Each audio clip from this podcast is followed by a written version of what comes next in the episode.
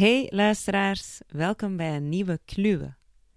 Je zal weer luisteren naar een samenwerking tussen Kluwe en de Buren, het Vlaams-Nederlands Huis voor Cultuur en Debat in Brussel. Lotte en ik waren live te gast in het Kask in Gent ter gelegenheid van de Dag van de Filosofie. Daar spraken we met Emily Amponza over trots. De buren. De buren. De buren. De buren. De buren. Je luistert naar een podcast van De Buren, Vlaams-Nederlands Huis voor Cultuur en Debat. Dit keer in samenwerking met Kluwe, de filosofische podcast van Lotte Spreeuwenberg en Marta Klaas.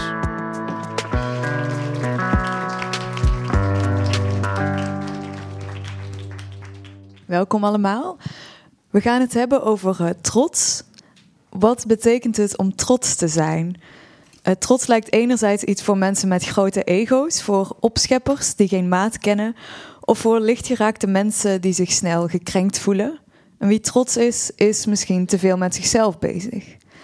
Maar is trots niet ook een emotie die belangrijk is voor emancipatie? En daarmee een krachtig wapen voor protest.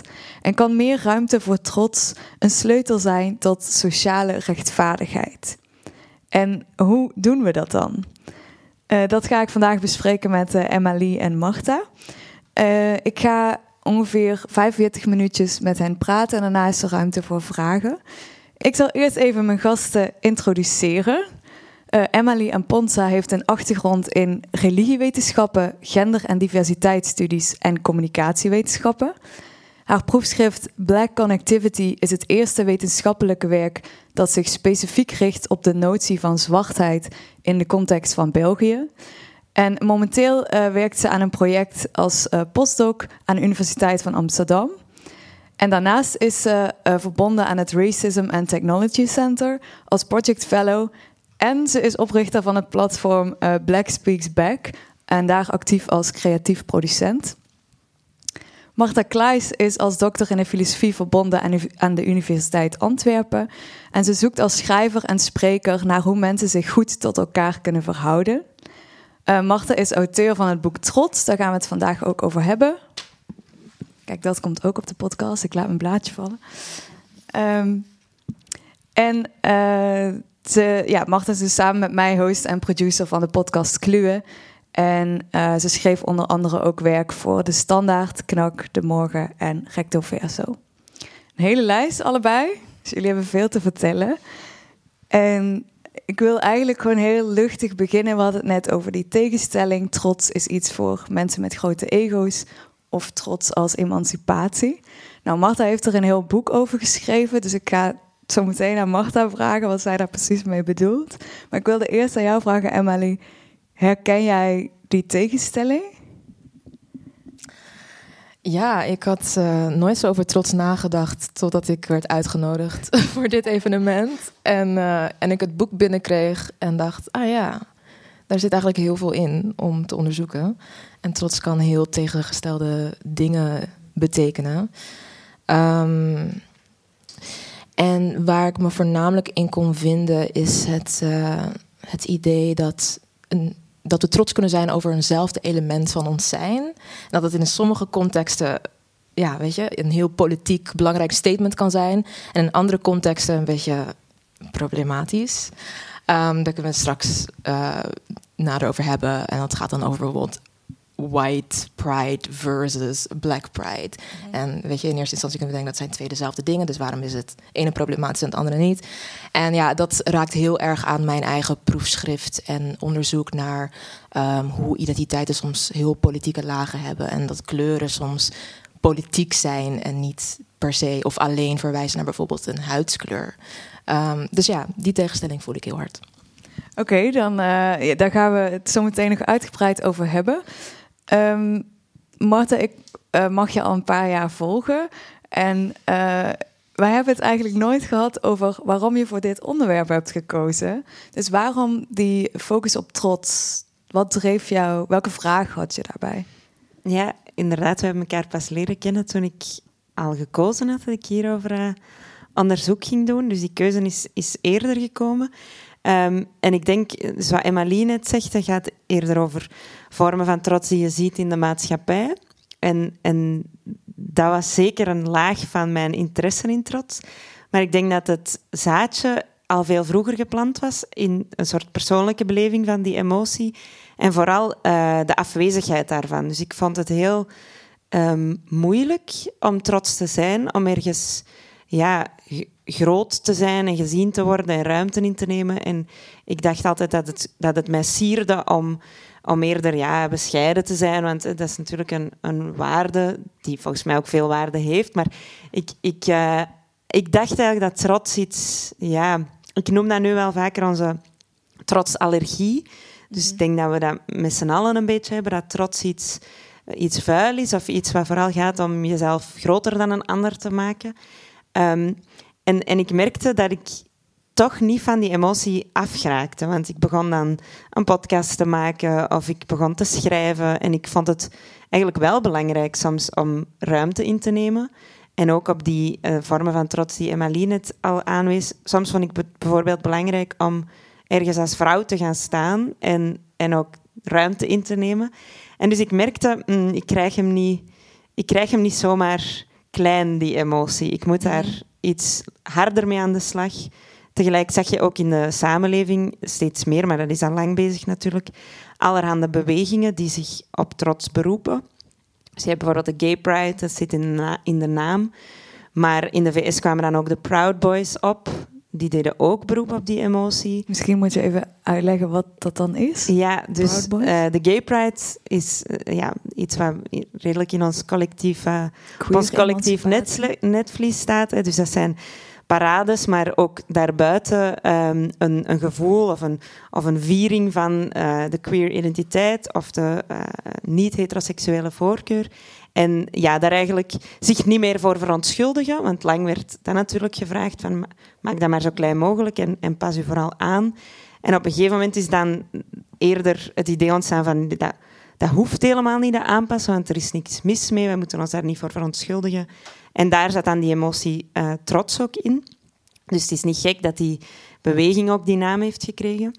En dan de Proud Boys, uh, nog zo'n beweging die dus trots in zijn naam draagt, zijn, uh, is een Amerikaanse beweging die, um, ja, denk dat we extreem rechts kunnen noemen, um, maar die zich ook beroept op een, op een gevoel van miskenning denk ik. En daar als reactie een identiteit gaat claimen die dus, en dus trots zijn op die identiteit. En ook het idee van wij als witte Amerikanen, want dat is waar, dat de, eh, waar de beweging eigenlijk um, alleen maar uit bestaat, um, moeten die identiteit niet wegsteken of moeten ons daar niet voor verontschuldigen en uh, mogen daarvoor ook op straat komen.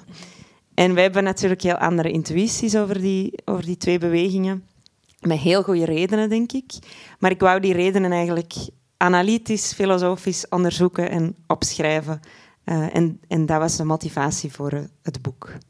We hebben al meteen uh, twee best wel complexe tegenstellingen. Dus Black Pride, White Pride, Queer Pride, Proud Boys. Um, laten we het gewoon gaan ontleden.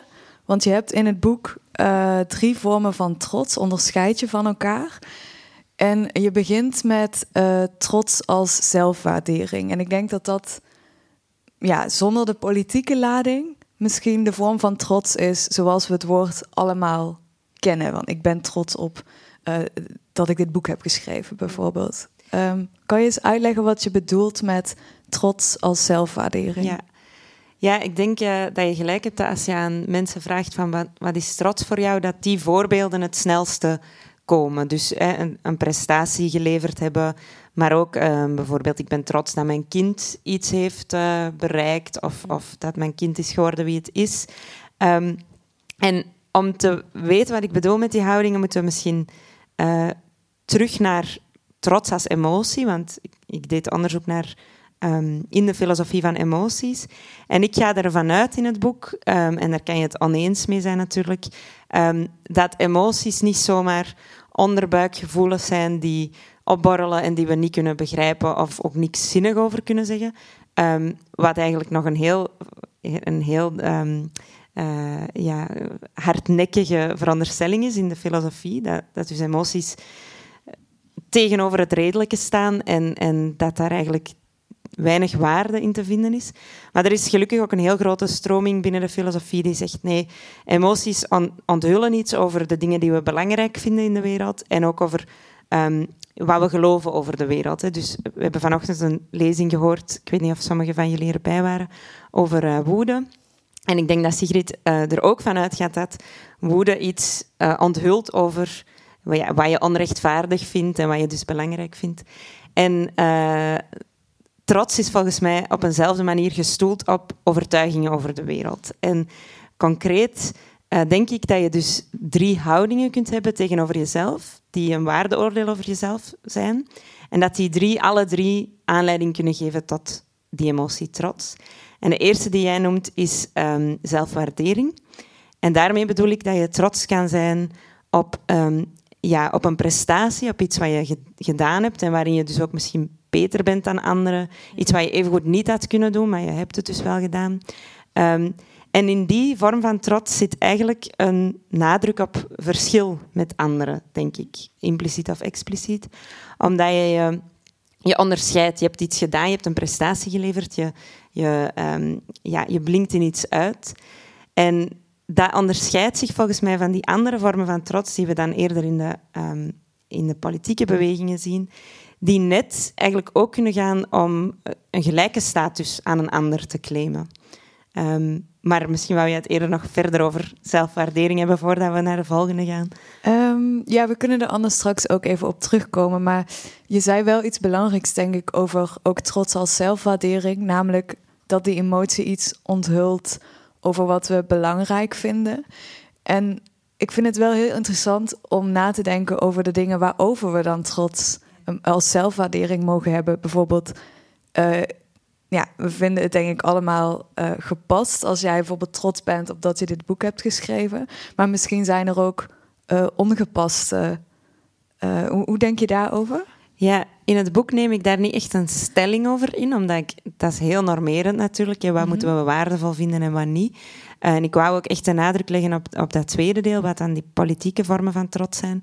Maar ik denk sowieso wel dat waar je trots op bent, onthult iets over de waarden die we hebben, die je als individu hebt, maar ook, en je hebt nooit een waarde zonder dat die inbedding heeft in, in de maatschappij. Dus bijvoorbeeld, we waren net in een voorgesprek bezig over uh, de waarden die we hechten aan hard werken. Mm. En ook iets waar dat mensen vaak trots op zijn van oh, ik heb echt weinig geslapen vannacht, want ik had een deadline en, en ik ben zo productief.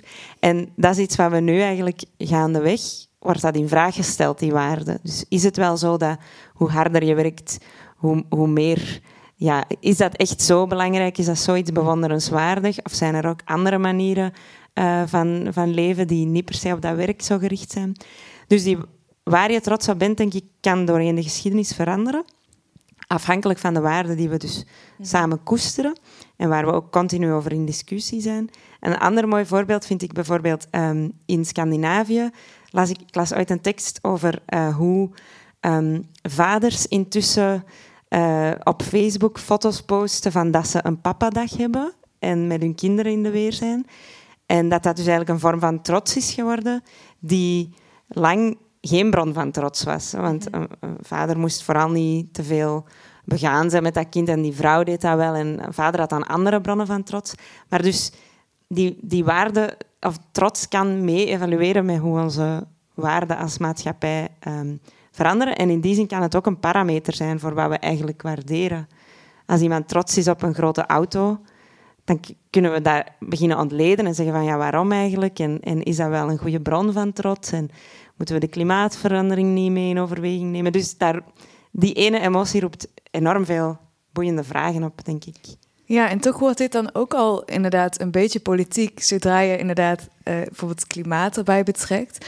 En ik vroeg me ook af, um, soms zijn we trots op bijvoorbeeld uh, iemand die heel sterk is of die fysiek iets goed kan. Maar hoe, zetten we dat dan in verhouding met um, uh, crip mensen of mensen met een handicap die niet veel gezien worden in de maatschappij? Of inderdaad het hard werken tegenover sociaal-economische verhoudingen. Ik, ik proef daar ook in die zelfwaardering ook al een beetje politiek. Uh... Ja, ik denk dat ik, daar, dat ik daar niet echt buiten kan. Dat is ook gewoon wel waar mijn interesse ligt, of wat ik denk dat er op het spel staat. Ehm, en ik denk daar ook heel veel over na vanuit het feminisme bijvoorbeeld. Ehm, dat we ook ja, mannen en vrouwen andere bronnen van, van trots vinden. En, en dan vraag ik me af waarom dat, dat eh, zo verschilt. Hè. Waarom is het voor een man dan iets om trots op te zijn als je hard werkt en voor een vrouw als je een prachtig gezin hebt of zo, dat daar ook een dubbele standaard in zit. En een van de voorbeelden dat ik gebruik in mijn boek, uh, dat daar een beetje, ja, dat, mij op het spoor van, van dat politieke idee van zelfwaardering bracht, is um, dat ik, dus ik zei uh, eerder dat ik zelf niet zoveel ervaring met die emotie heb. Maar ik weet wel dat ik één keer trots was. En dat was omdat ik de knop van een uh, radiator had vervangen. En niemand was daarbij. Dat was, ik had dat met YouTube gedaan. En, en ik had me achteraf afgevraagd van waarom was ik daar zo aan het glunderen van trots dat ik dat had gekund. Want op zich is dat niet super moeilijk. Maar ik denk dus dat het er iets mee te maken had dat we dat... Of dat ik dat niet van mezelf, als vrouw misschien, had verwacht. Dat ik zoiets praktisch ging kunnen. En dat dat ergens heel diep in mij zat, dat dat dan als een gigantische prestatie voelde. En ook wel een soort van look at me, ik heb dat gedaan en, en, ik heb daar geen man voor nodig of zo. Dat, klinkt heel stom misschien, maar daar, daar zat wel inderdaad een graantje in van... Hmm, ook mijn trots is niet apolitiek. Of mhm. zelfs als ik die in mijn eentje ervaar, zit die in een groter geheel van verwachtingen die ik van mezelf heb, dingen die ik bewonderenswaardig vind.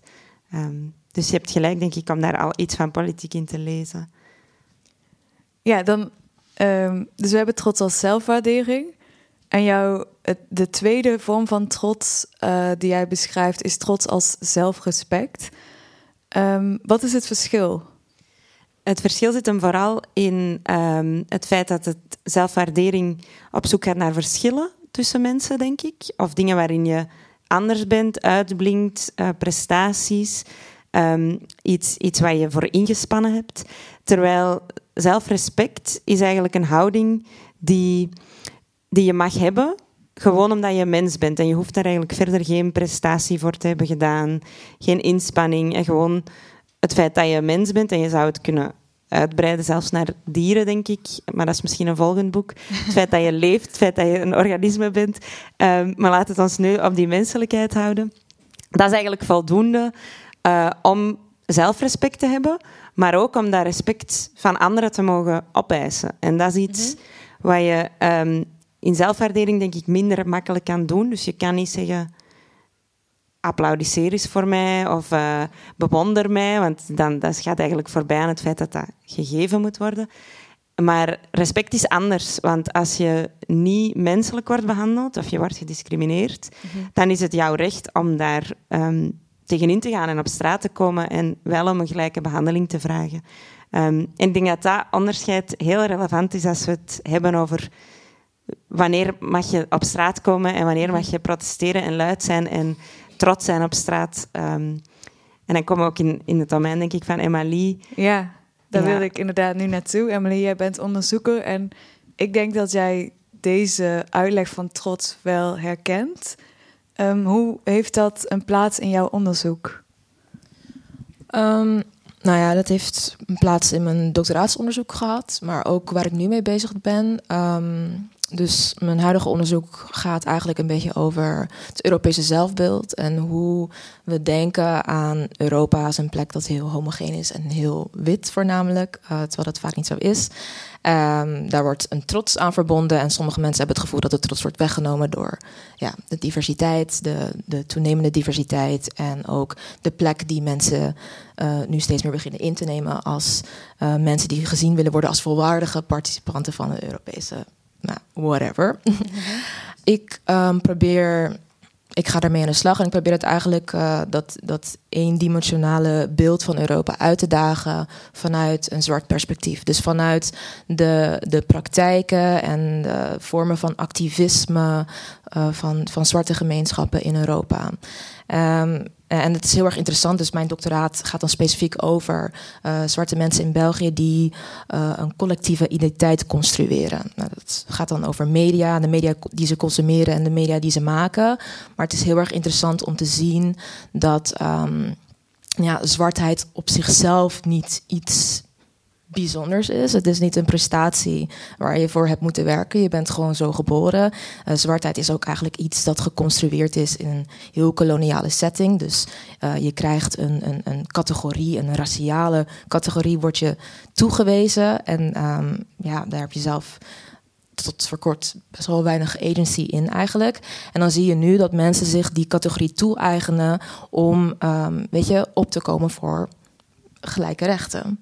Mhm. Um, en soms wordt die, uh, de, daar wordt de Black Pride, de, de Amerikaanse beweging, uh, tenminste een beweging die niet per se Amerikaans is, want de negritude, de, dat is ontstaan in, in Parijs.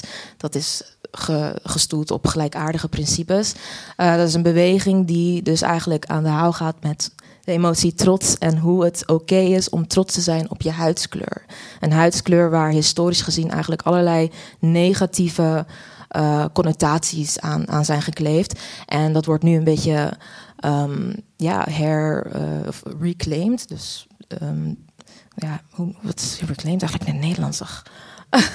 Doet er niet toe, reclaimed. het wordt reclaimed door mensen als zijnde iets positiefs. Van hé, hey, het is oké. En deze huidskleur mag er ook zijn. En dit is ook mooi. En kijk eens wat wij hebben gepresteerd als een volk.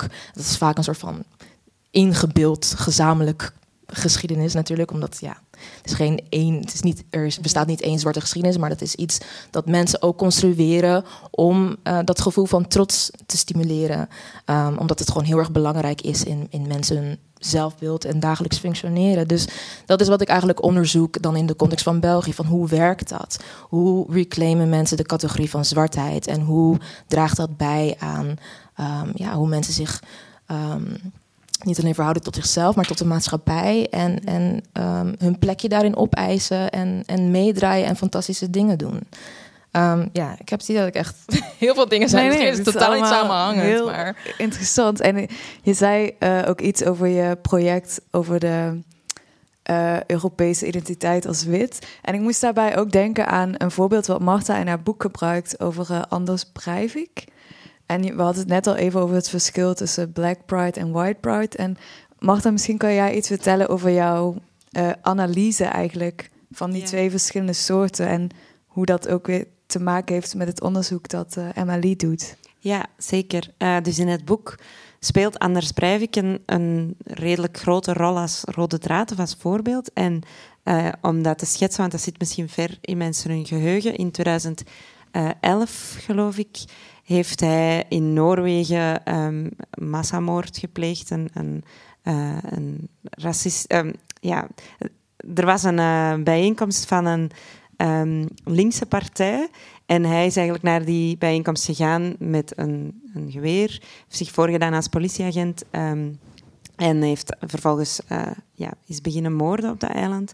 En dat was door racisme ingegeven, omdat zijn grote punt um, is dat die linkse partij dus te migratievriendelijk zou zijn. En, en uh, hij spreekt dan van een, um, een Arabisering van Europa en uh, allemaal zo'n begrippen. En ja, ik heb getwijfeld om dat voorbeeld te gebruiken, omdat dit natuurlijk heel extreem is. En je zou kunnen zeggen, ja, natuurlijk wijzen we Anders Breivik af. En ook zijn, zijn manier van handelen is totaal verwerpelijk. Uh, dus het is niet zo moeilijk om daarop dan een theorie te stoelen. Maar ik denk, ik heb hem toch behouden omdat ik denk dat zijn logica um, toch ook nog diep geworteld is, ook bij mensen die uiteindelijk niet aan het moorden slaan, en gelukkig.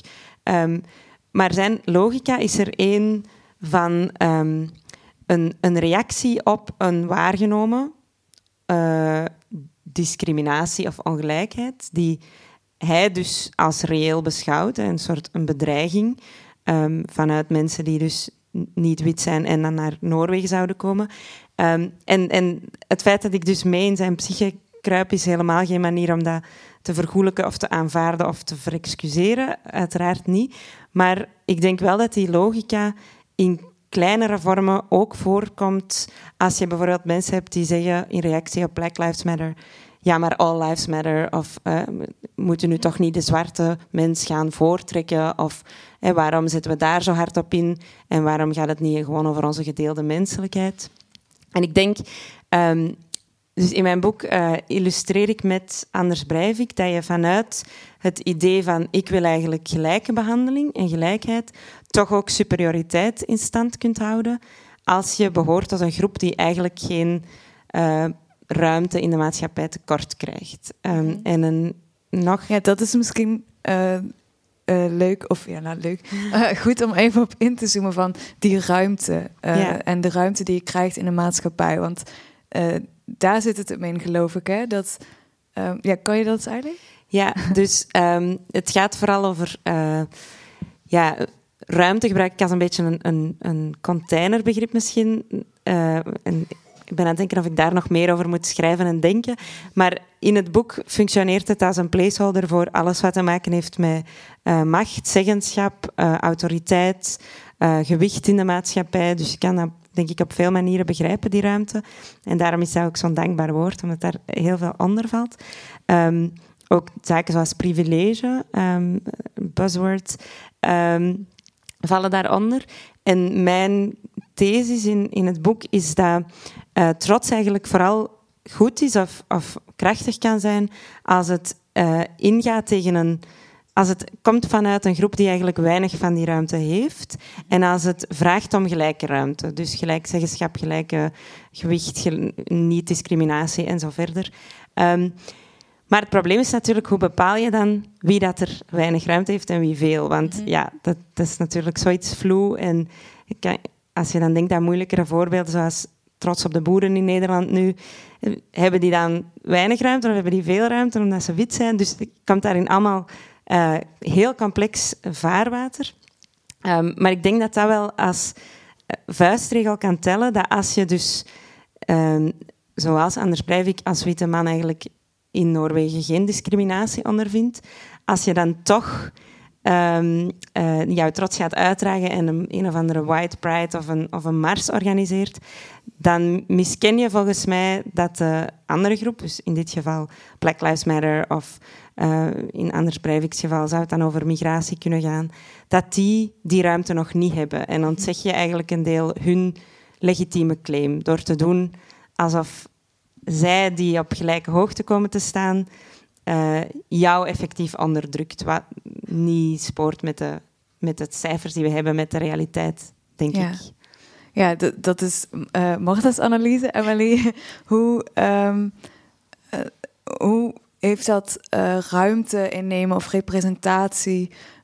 hoe is dat onderdeel van jouw werk? Niet alleen van je onderzoek, maar je bent ook creatief producent. En hoe ga jij daarmee om? Want volgens mij komt dat in, in alles wat je doet eigenlijk naar voren. Um, ja, ik denk dat ik even ook wil aan inhaken op wat je net zei. Dat um, die valse vergelijking die gemaakt wordt over wie er trots mag zijn. Um, ook natuurlijk alles te maken heeft met gewoon een soort van tekort aan historisch besef. dus de ruimte die, ik probeer in te nemen, maar niet alleen ik, velen met mij, is uh, opnieuw ruimte maken in, in dat collectieve bewustzijn over het verleden, over verschillende zaken, verschillende maatschappelijke zaken. Um, dus als we het hebben over. Um, uh, ja, dit is echt ook een buzzword, maar zo decoloniseren van de universiteit. Dan hebben we het over ruimte maken in, in de curricula. dan hebben we het over kritisch onder de loep nemen hoe we nadenken over kennis, kennisproductie, geschiedenis, wie daar iets over mag, mag zeggen, wie daarin gerepresenteerd wordt, et cetera. En ik denk dat het belangrijk is omdat dat bijdraagt aan hoe we de geschiedenis zien voor wat ze, voor wat ze is. En dan kunnen we het heden ook gewoon beter plaatsen. Um, ja, dus dat is één ding. Um, en hoe dat naar voren komt in het andere werk wat ik doe, misschien het creatieve werk. Um, dat is, heeft ook alles te maken met representatie en het tekort daaraan um, in, in, in de media, in de creatieve industrie. En dat is, is de afgelopen tijd is daar wel um, wat verandering ingekomen. Maar ehm, ja, het is eigenlijk in 2013 pas dat er een uh, opiniestuk van een, een, een, zwarte man van Congolese afkomst in de mainstream pers, is verschenen. Die het voor het eerst echt had over hoe er sprake was van structureel racisme uh, in Vlaanderen. En het feit dat daar opeens iemand voor zichzelf kon spreken, um, was, was, was een shock. En er is zoveel reactie op gekomen. En daar zijn allerlei grassroots organisaties uiteindelijk uit voortgekomen. Maar uh, ja, het feit dat, dat iemand opeens zelf een stem had, um, dat wordt, werd toch ja, um, als bedreiging gezien op dat moment. Ja. En ik denk, uh, jij had het, sorry, ik ga een beetje van de hak op de tak misschien, maar ik zie zoveel aanknopingspunten. Um, ja, dat, ja, het voorbeeld van, van anders is misschien niet zo anders als uh, dingen die vandaag de dag gebeuren. en ja, kijk, tuurlijk is, uh, zijn er mate van extremisme. Maar um, een, een, een, Bart de Wever die een uitspraak doet over uh, Dalila Hermans en het feit dat zij iets zegt over witte mannen of, of witte mensen. Um, en, en dat dat voor hem um, ja, zo simpel is als als we dat zouden omkeren, dan is het een probleem en nu niet. En daarvoor heb ik het recht om een probleem te maken van het feit dat zij een job heeft. Snap je de, de, de absurditeit ervan. En dat heeft ook heel erg te maken met het feit dat um, die mate van um, ruimte innemen of mate van trots zijn of het zwart en wit tegenover elkaar. Um, wordt zo versimpeld en het wordt niet gezien in de politieke context waarin die kleuren eigenlijk uh, betekenis krijgen. En daardoor zijn we gewoon vaak in een soort van spraakverwarring met elkaar op maatschappelijk niveau. Kijk, wij denken daar op een andere manier over na.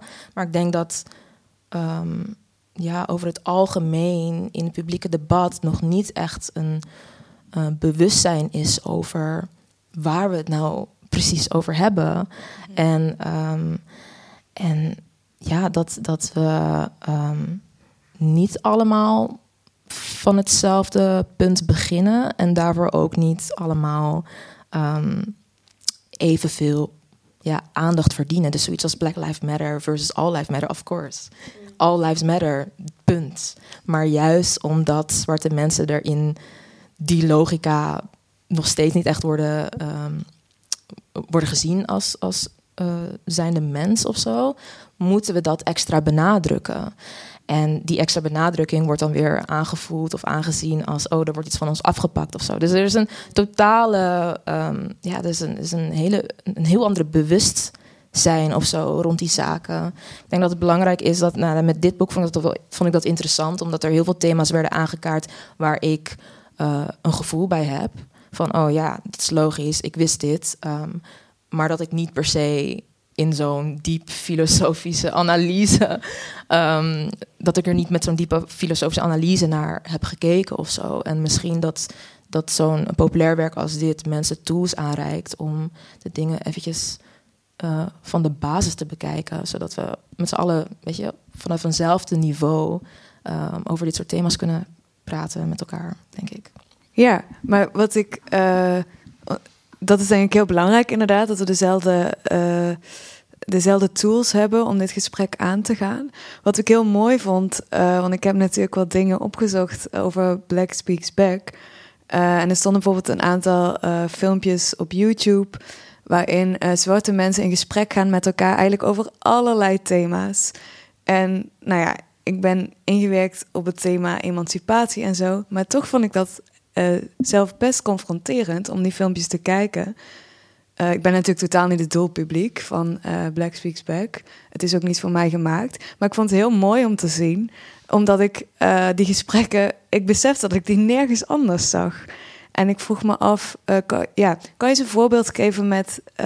van, kan je een voorbeeld geven van wat Black Speaks Back doet met zulke filmpjes... en waarom dat belangrijk is? Überhaupt belangrijk in de maatschappij, maar ook voor jou persoonlijk? Um, ja, misschien een beetje context. Um, Black Speaks Back is opgericht naar aanleiding van de film Black, die in 2015 of 16 uitkwam. Um, nou ja, de film Black, hè, dat roept al allerlei uh, beelden en ideeën op. Ehm, en dat is een film gemaakt door twee ehm, regisseurs van Marokkaanse afkomst. Dus dan zou je denken van, oh, hey, weet je, dat geeft misschien een genuanceerd beeld van mensen met een migratieachtergrond in België. Maar dat was dus niet het geval. De film werd ook echt ontvangen als ehm, ja, de ultieme representatie van Brussel. Van dit is wat het is en zie, dit is al een reden waarom, dit is de reden waarom ik niet eh, naar Brussel ga, want zo gaat het eraan toe. Nou goed. De manier waarop zwarte mensen in die film um, gerepresenteerd werden. Nou goed, het zijn bendeleden, dus dan weet je al een beetje wat het genre is. En, maar uh, zwarte bendeleden waarvan de etniciteit of de nationale achtergrond totaal niet duidelijk is, versus Marokkaanse tasjesdieven, dat was al totaal uit balans of zo. En waarbij je bij de ene groep nog een soort van ja, uh, vermenselijking zag. En misschien wat emotie, een emotionele band kon opbouwen met het personage, was dat bij de zwarte bendeleden totaal afwezig. Want dat waren vooral de verkrachters en de, de drugshandelaren. En die deden zo het, het, het echte uh, bendewerk, zeg maar. Um, maar het probleem is eigenlijk dat er um, los van deze film totaal geen andere representaties zijn van zwarte mensen in in films, in populaire films. Um, zwarte mensen die wonen en leven in, in, in België en Brussel. Dus um, ja, dat, dat um, weerspiegelde heel erg het gevoel van veel mensen die zich tegelijkertijd onzichtbaar en hyperzichtbaar voelen in België. Dus aan de ene kant lopen mensen met een boog om je heen. En aan de andere kant um, is het alsof je er niet bent, omdat je jezelf nergens weer spiegeld ziet of zo. Um, en wij vonden het gewoon, dus ik en, en Helene de Beukelare, en er waren nog een aantal andere mensen betrokken uh, bij de lancering van Black Seas Back, vonden het belangrijk om ja, het idee van uh, zwarte mensen te diversifiëren. Dus er is geen één zwarte persoon. Weet je, we zijn net zo gelaagd als eender welk mens.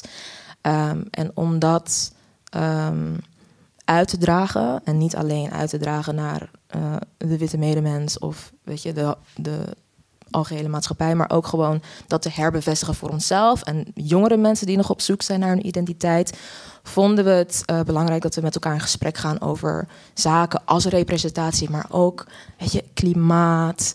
Um, ja, we hebben het nog meer over gehad. Uh, feminisme, uh, mannelijkheid, liefde. Mm -hmm. Om eigenlijk um, weer te geven hoe, hoe divers we zijn. En, en dat we mogen bestaan in al die diversiteit of zo. Dus um, weet je, we hebben het op soort van macro-niveau over wit versus zwart. Maar in witheid, in die categorie, uh, in zwartheid en witheid natuurlijk ook.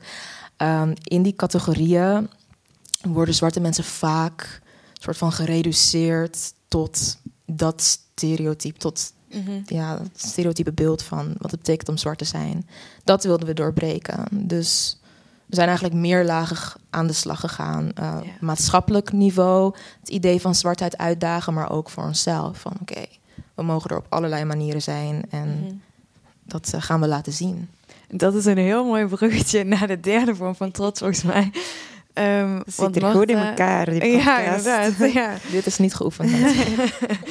ja, um, want nou, misschien moet je gewoon uitleggen wat, wat jouw derde vorm van trots is. Ja, het is moeilijk om nu die op van alles wat Emily ook, uh, ook in te gaan, maar misschien komen we daar allemaal later nog wel toe. Um, mijn, de derde vorm van trots die ik onderscheid, dus eerst was er dan zelfwaardering en zelfrespect. En dan dacht ik, ja, er, er mist nog één soort positieve houding die je naar jezelf kunt hebben, die we allemaal, waar we mee, rond de oren worden geslaan, denk ik, en dat is zelfliefde. Um, maar ik denk dat de manier waarop zelfliefde vaak onder de aandacht wordt gebracht, dat dat um, soms heel eenzijdig is, alsof zelfliefde alleen maar rainbows en butterflies en heel tof is en, en gaat om alles positief aan jezelf vinden. En ik heb, dat, um, ik heb een ander begrip van zelfliefde proberen uit te werken. Dat gaat om, wat Emmaline net zei, om het jezelf in alle facetten zien en, en aanvaarden, enerzijds. Maar dat anderzijds ook eigenlijk een redelijk moeilijke opgave is. En één die niet alleen ehm, voor mensen die dus minder ruimte hebben gekregen, waar we het eerder over hadden, is weggelegd. Dus het is niet zo dat ik alleen wens dat, uh, dat, ja, dat vrouwen of mensen van kleur heel erg van zichzelf gaan houden. Natuurlijk wens ik dat. Maar ik wens eigenlijk ook, of ik hoop in mijn boek een lans te breken, om eigenlijk net naar mensen die lang veel ruimte hebben gehad en voor wie dat nu misschien in, het gedrang komt, dat net zij met zelfliefde uh, ook naar zichzelf zouden moeten kijken. Omdat um, zelfliefde niet alleen dus het, het vieren van jezelf is, maar ook het jezelf zien en jezelf zien voor wat dat je bent, hoe vaag dat, dat ook klinkt. Maar dus ook kunnen losbreken van uh, de verwachtingen die toevallig aan jouw identiteit hangen. Want Emily zei net ook iets wat ik heel interessant vond over... Um, wat was het nu weer? Uh, ja, dat, dat mensen die in de media kwamen van kleur, dat die altijd eigenlijk over hun kleur moesten praten en dus een lans moesten breken tegen discriminatie. Terwijl, ja, dat is niet waar, waar iedereen is gewoon bezig met dingen waar die interessant vindt en ook met uh, gewoon andere thema's. Um, en, en dus eh, er zijn verwachtingen die hangen aan identiteiten. Um, net zo goed aan bijvoorbeeld mannelijkheid, denk ik. Waar, dat je, uh, waar dat ook mannen dan in vast kunnen zitten. En eigenlijk is dat ook een gebrek aan zelfliefde, denk ik. Omdat je niet durft uit te zoeken wat er nog meer mogelijk is en waar je misschien meer ligt. Maar dat je denkt, oké, ik zit hier in een stramine en in een script dat ik ken en waar ik mij comfortabel in voel en ik, hou mij daaraan. En ik denk dat, dat daar, doordat daar eigenlijk die zelfliefde ontbreekt, dat er heel veel um, hokjes en stereotypen in stand gehouden worden. Uh, omdat we niet durven of niet kunnen uh, uit die verwachtingen breken zonder daar maatschappelijk ook voor afgestraft te worden. Want een, een man die uh, zich kwetsbaar toont, of allee, hopelijk verandert dat gaandeweg, maar nog steeds wordt hij dan een watje genoemd. Of, dus mijn pleidooi is eigenlijk uh, enerzijds iets wat je zou verwachten, namelijk meer zelfliefde voor, voor wie lang gezegd is geweest, jij bent, moet jezelf haten. Maar anderzijds eigenlijk ook voor mensen die daar zogezegd geen probleem mee zouden moeten hebben. Um, denk ik dat net, dat net daar vandaan een grote oplossing kan komen. Want, en dat is ook iets waar ik nog op wilde aanhaken, dat um, datzelfde idee van dat als mensen van kleur zich uitspreken, dat het moet gaan over hun identiteit. En dat er in zekere zin zou je kunnen denken dat ik ook met het boek zeg, jullie moeten trots zijn of je moet die ruimte durven innemen. Maar dat is natuurlijk niet de verantwoordelijkheid van de persoon van kleur of van eender wie dat nog wilt opkomen voor zijn identiteit.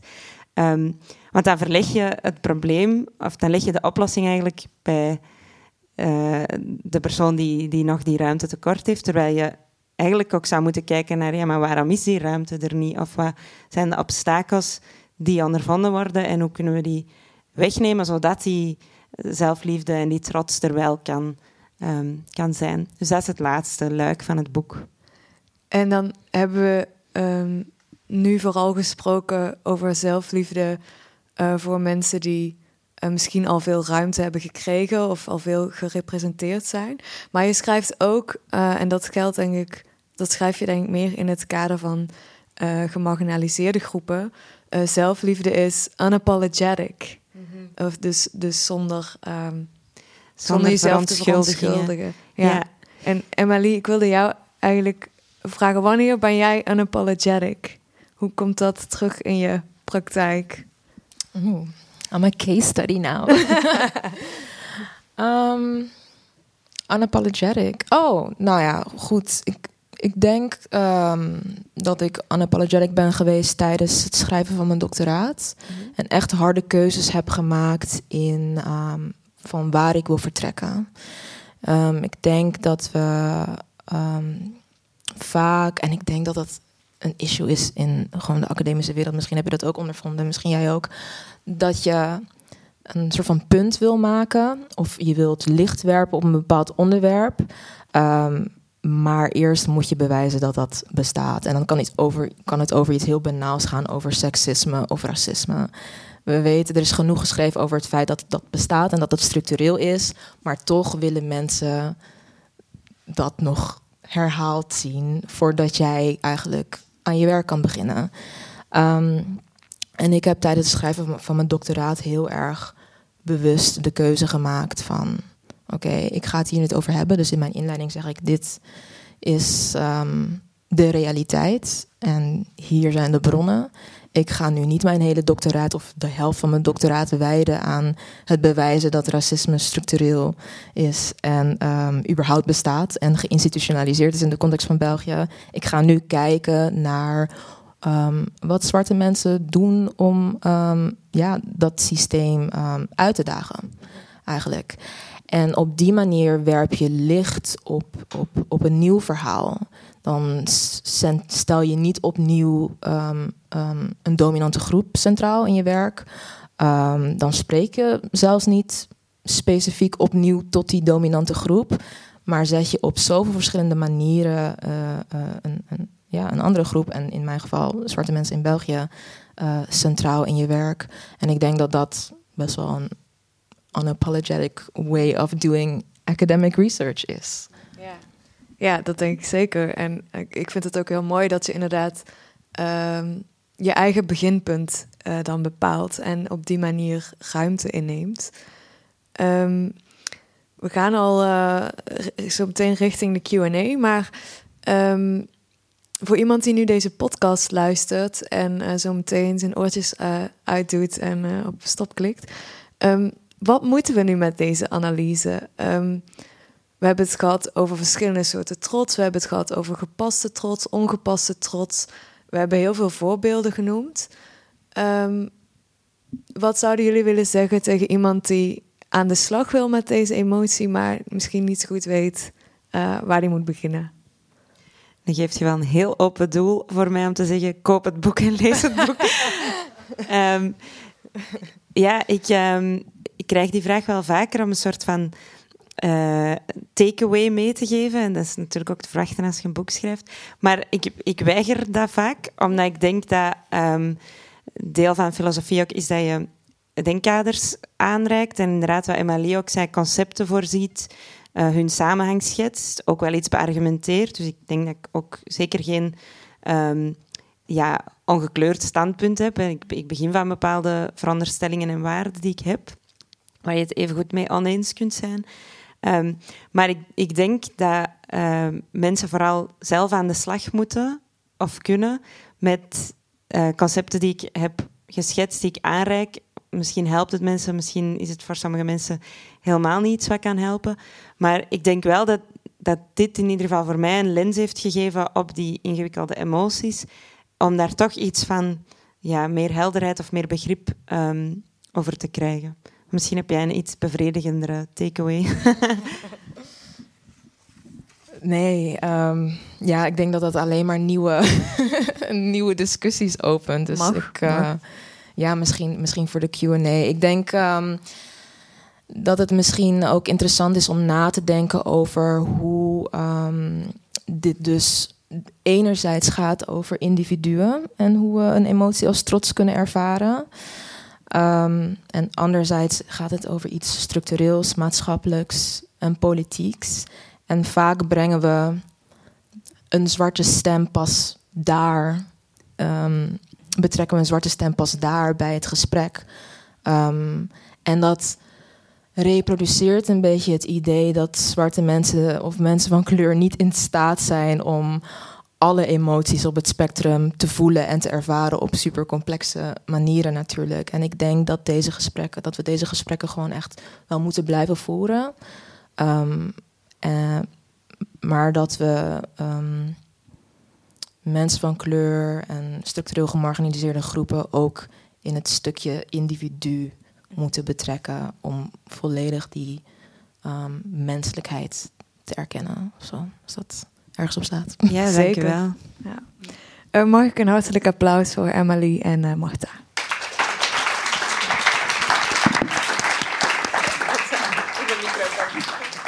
Eh, heeft er iemand een vraag? Ja, het is een vraag over jullie methode als eh, onderzoekers. We hebben heel veel over ehm, wit, of het concept van eh, whiteness, blanchitude, whatever. Ehm, maar die concept zelf verandert over de tijd. Hè. Bijvoorbeeld 100 jaar geleden waren de Spanjaards of uh, Italiaanse mensen helemaal, helemaal niet gezien als wit. Uh, Joden ook niet, bijvoorbeeld. En uh, er is een recent um, artikel in The Guardian over Cleopatra. Een koningin die eigenlijk waarschijnlijk helemaal niet wit was toen, maar die perceptie van die tijd ging ook niet over die kleur van, van de, de koningin. En ik vraag me af voor jullie dus wat, um, wat het bedoelt, een concept die eigenlijk niet um, goed bepaald is in de tijd. Of, um, dat is, is eigenlijk, eigenlijk een uh, culturele constructie. Hoe kunnen jullie uh, rigoureus dat concept behandelen?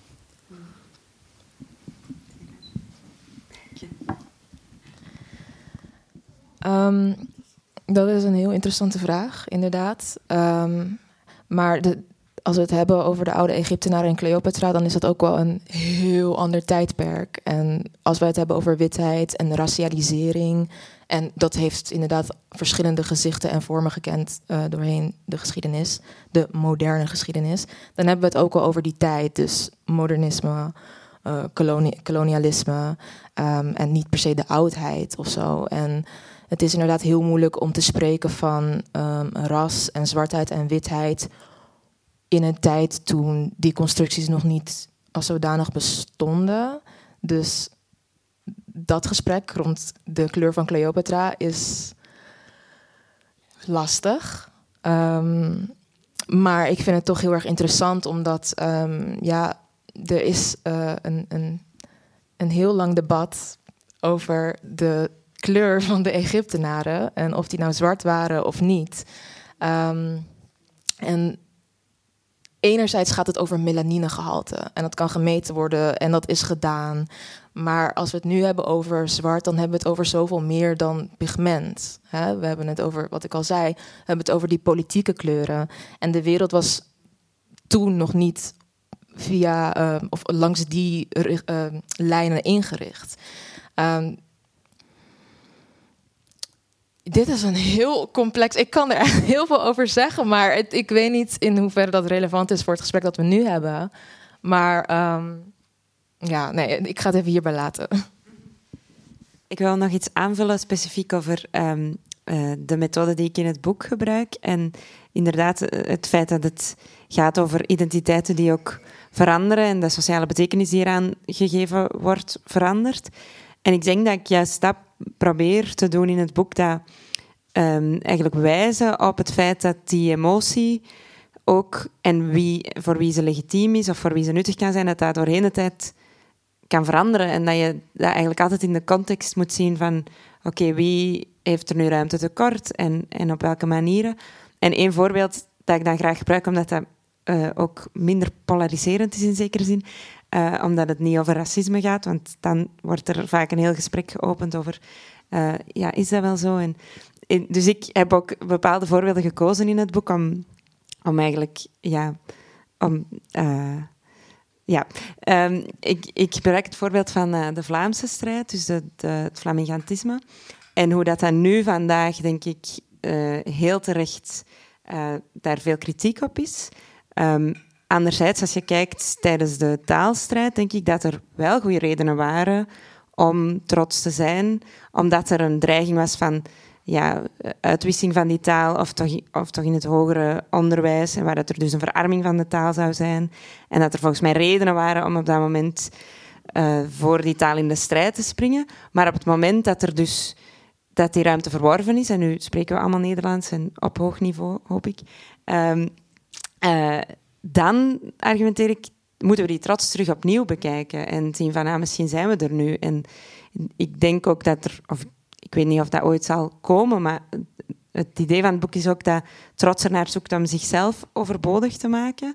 Dus op het moment dat er volledige gelijkheid is tussen uh, gay en straight of tussen zwart en wit, dan zal hopelijk op een bepaald moment die politieke trots in ieder geval niet meer nodig zijn. Dan moeten er geen Black Lives Matter marsen meer zijn, want dan, dan is er geen e- onevenredig politiegeweld meer. Dus ik denk dat het zich juist heel erg leent tot veranderende concepten en sociale identiteiten. Ehm, ik, ik wilde nog een, een laatste ding zeggen. Ik weet niet hoeveel tijd we nog hebben. Ehm, maar ja, misschien is dat heel erg cheesy. Maar ik zag een aanknopingspunt en ik dacht, ja, die kans moet ik wel grijpen. Ehm, dus je had het over zo um, Vlaamsgezindheid en et cetera. En hoe dat in het verleden een, een heel belangrijke strijd is geweest. En nu dat we die trots daar rond ja, moeten herzien. Of in ieder geval opnieuw moeten bekijken. En toen dacht ik aan een artikel van uh, Sibo Canobana, die um, eigenlijk de, die Vlaamse taalstrijd en de marginalisering van um, Vlaamstaligen vergelijkt met een vorm van racialisering. Ook met heel veel kanttekeningen natuurlijk, van hé, hey, weet je, er zijn nuances. Maar dat Vlamingen eigenlijk gaandeweg wit zijn geworden. Wat al heel veel zegt over wat het betekent om wit te zijn. Het is geen vaststaande categorie. Het is meer een soort van ideaal, een ideologie die super intersectioneel is. Het gaat niet alleen over kleur. Het gaat ook over maatschappelijke, uh, sociaal-economische positie. Maar ik heb wel zoiets van, als Vlamingen nou gaan inzien dat zij ooit zelf in die positie hebben gezeten en dat zij wit zijn geworden, dan zouden ze misschien heel sterke bondgenoten kunnen zijn van mensen die nu gemarginaliseerd worden. En ik denk dat daar iets zit wat we, wat we zouden kunnen onderzoeken. Um, ik denk dat er heel veel potentieel in zit. Dat is wat ik wilde zeggen. Het heeft denk ik ook veel te maken met wat jij schrijft, Mart, over zelfkennis en die. Ja, ja, um, ja ik vind dat super interessant als idee. Ik vind het ook ergens wel jammer dat het zou nodig zijn om, om je te identificeren. Dus dat je dan langs die weg moet, want op zich zouden we dat niet per se nodig hebben dat we onszelf daar kunnen zien of zo. Maar ik snap dat het een, wel een interessante strategie kan zijn. En dat brengt mij bij iets waar je eigenlijk mee begonnen was, Emily. Echt anderhalf uur geleden. Um, dat het gaat over het Europese zelfbeeld en die trots. En dat, ik vond het boeiend dat je zei, we moeten niet per se af van het Europese trots. Of dat heb ik toch zo begrepen, of van dat zelfbeeld. Maar eerder een, een een manier van ons naar onze eigen geschiedenis kijken die, of misschien zei je dat in het voorgesprek, sorry, um, die zowel de donkere bladzijden als de goede dingen erkent en die, en die vooral ook niet vasthoudt aan een identiteit van een Europeaan als uh, een witte Europeaan of zij die hier al meer dan 200 jaar wonen of whoever je het wilt uh, definiëren, maar kijken naar de identiteit die Europa nu heeft. En die is divers en die is uh, van alle kleuren. En ik denk eigenlijk ook, dat zit niet heel erg in het boek, maar dat trots daar ook iets verbindend kan zijn. Dat je dus ook een trotse Europeaan kan zijn, zonder dat dat moet betekenen dat je contra niet-Europa bent, maar eerder dat je het hebt over ja, Europa is mijn thuis en daar ben ik toevallig en, en wij mogen er zijn en wij zijn divers en inclusief. En dat is ook de manier waarop ik ooit, als ik ooit trots zou zijn op Vlaanderen, denk ik dat het dat, het dat zou moeten betekenen en niet um, het flamingantisme dat vandaag um, leeft, wat wel volgens mij vaak exclusief is en toch op die witte identiteit focust. We hebben nog ruimte voor een vraag, als iemand nog een vraag heeft. Ja, daarachter. Ik vraag mij af als uh, witte mensen zich aangevallen voelen door bijvoorbeeld een uh, Black Lives Matter beweging. Of dat ze zich eigenlijk echt structureel aangevallen voelen of meer individueel, vraag ik mij soms af. Ik vraag mij, um, ik vraag mij af of veel mensen niet meer reageren vanuit een soort individuele, heel specifieke ervaring die dan leidt tot anekdotes genre ja, maar als witte man is het ook niet altijd gemakkelijk met dan een of ander voorbeeld. En um, ik vraag me af hoe dat je dat in gesprekken kan counteren. Als je op zoiets botst, als je voelt van oké, die spreekt eigenlijk niet uit een soort structureel... Um, of, of ja, uit een soort structurele ervaring of een soort uh, behoren tot een structuur, maar eigenlijk vanuit een soort meer, veel meer individuele uh, persoonlijke ervaring, die misschien ook wel echt moet erkend worden. Ik denk ook niet dat het dan nuttig is om dat niet uh, te, te, erkennen.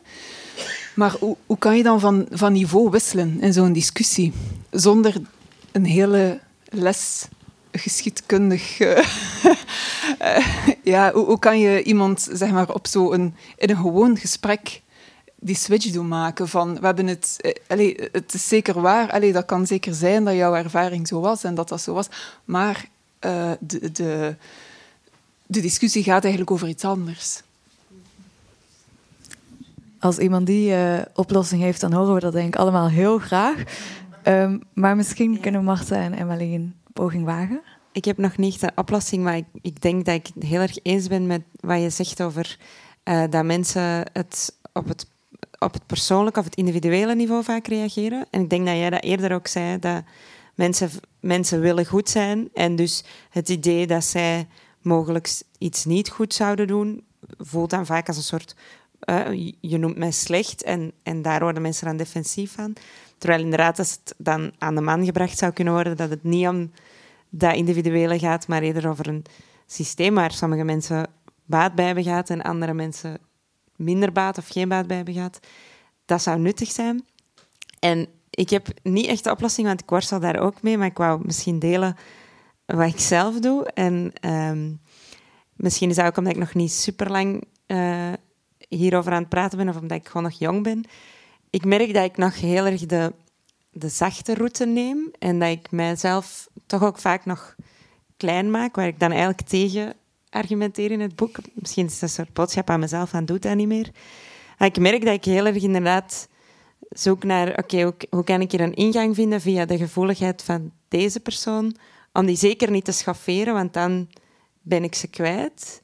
En ik vind dat een moeilijke afweging tussen, en dat is ook iets breder waar ik denk over in academia werkzaam zijn, tussen ehm, zeggen wat ik vind en uh, de goed gemeente of de, de vriendelijkheid bewaren en daardoor misschien productiever te zijn. En dan komen we terug bij de lezing van Sigrid van vanochtend over woede, die soms ook niet echt productief is, maar wel gepast is of terecht is. Dus ik weet niet of jij betere strategieën hebt. Jij bent al langer aan het spreken en aan het... Um, ja, dit is... Um, er ging van alles door mijn hoofd. Um, ik ben eventjes terug aan het gaan naar, naar de vraag, naar de precieze vraag. Um, ja, ik, ik denk dat het, um, dat, dat inderdaad mensen vaak spreken vanuit het individuele gevoel. Maar dat het steeds moeilijker wordt vandaag de dag om dat te weerleggen. Omdat um, dat gevoel van de witte man in bedreiging steeds vaker door populistische media en politici naar voren wordt geschoven. Dus dat wordt een soort van mythe of een, ja, dat wordt aangevoed als een waarheid. Um, waardoor het waarschijnlijk heel lastig gaat zijn om met zo'n persoon in gesprek te gaan. Um, en dan is mijn vraag, of mijn neiging ook. Ja, ik, ik vind het niet mijn persoonlijkheid om, of mijn verantwoordelijkheid om, om in gesprek te gaan uh, met zo'n persoon. Um, en ik denk dat, dat, dat er misschien mensen zijn die daar meer ruimte voor hebben en meer zin in hebben om dat te doen. En dat is fantastisch, want je wilt, denk ik, mensen ook niet, niet kwijtraken. Um, een persoon die dat heel veel doet is bijvoorbeeld Dalila Hermans. En ik heb heel lang gedacht van, nou, Dalila, we hebben het ook vaak over gehad, waarom doe je dat nou? Uh, en dan zegt ze soms ook van, oh ja, I know. Maar het werkt um, voor veel mensen en ik denk dat die mensen er moeten zijn. Maar ik denk niet dat het verwacht moet worden van iedereen. Um, wat ik denk dat een oplossing zou kunnen zijn, is um, collectieve therapie. Ja, dat klinkt heel stom, maar um, ja, heel, ja, mensen gaan naar therapie voor issues. En ik denk dat we als uh, maatschappij ook een soort van therapie of cursussen en zo kunnen volgen om om te gaan met deze zaken. Wel door mensen die echt bekwaam zijn en die snappen wat het probleem is. Echt specifiek gericht op dit soort vraagstukken. Ik denk dat mensen echt een soort van coming to terms met je nieuwe ik. Um, ik denk dat dat heel erg belangrijk is. En dat we zeker niet uh, de verantwoordelijkheid opnieuw moeten geven aan, aan mensen die al gewoon heel veel leed en trauma en maatschappelijke shit dragen um, voor zichzelf. Ik bedoel, om dat ook nog voor andere mensen te doen, het is gewoon een beetje te veel. En ik denk dat we allemaal, um, nou ja, denk ik, capabel genoeg zijn om uiteindelijk met hulp ehm, een beetje aan zelfreflectie te doen. Maar als we dat meer normaliseren, dan zullen mensen zich daar misschien ook meer toe zetten. Dus ik denk echt dat daar iets zit van een oplossing van hé, hey, laten we dat zien als iets, uh, als, als, een, als een maatschappelijk trauma. Laten we dat ook op die manier proberen op te lossen. En ja, dat denk ik. Mag ik nog een keer een groot applaus voor Marta en Emily?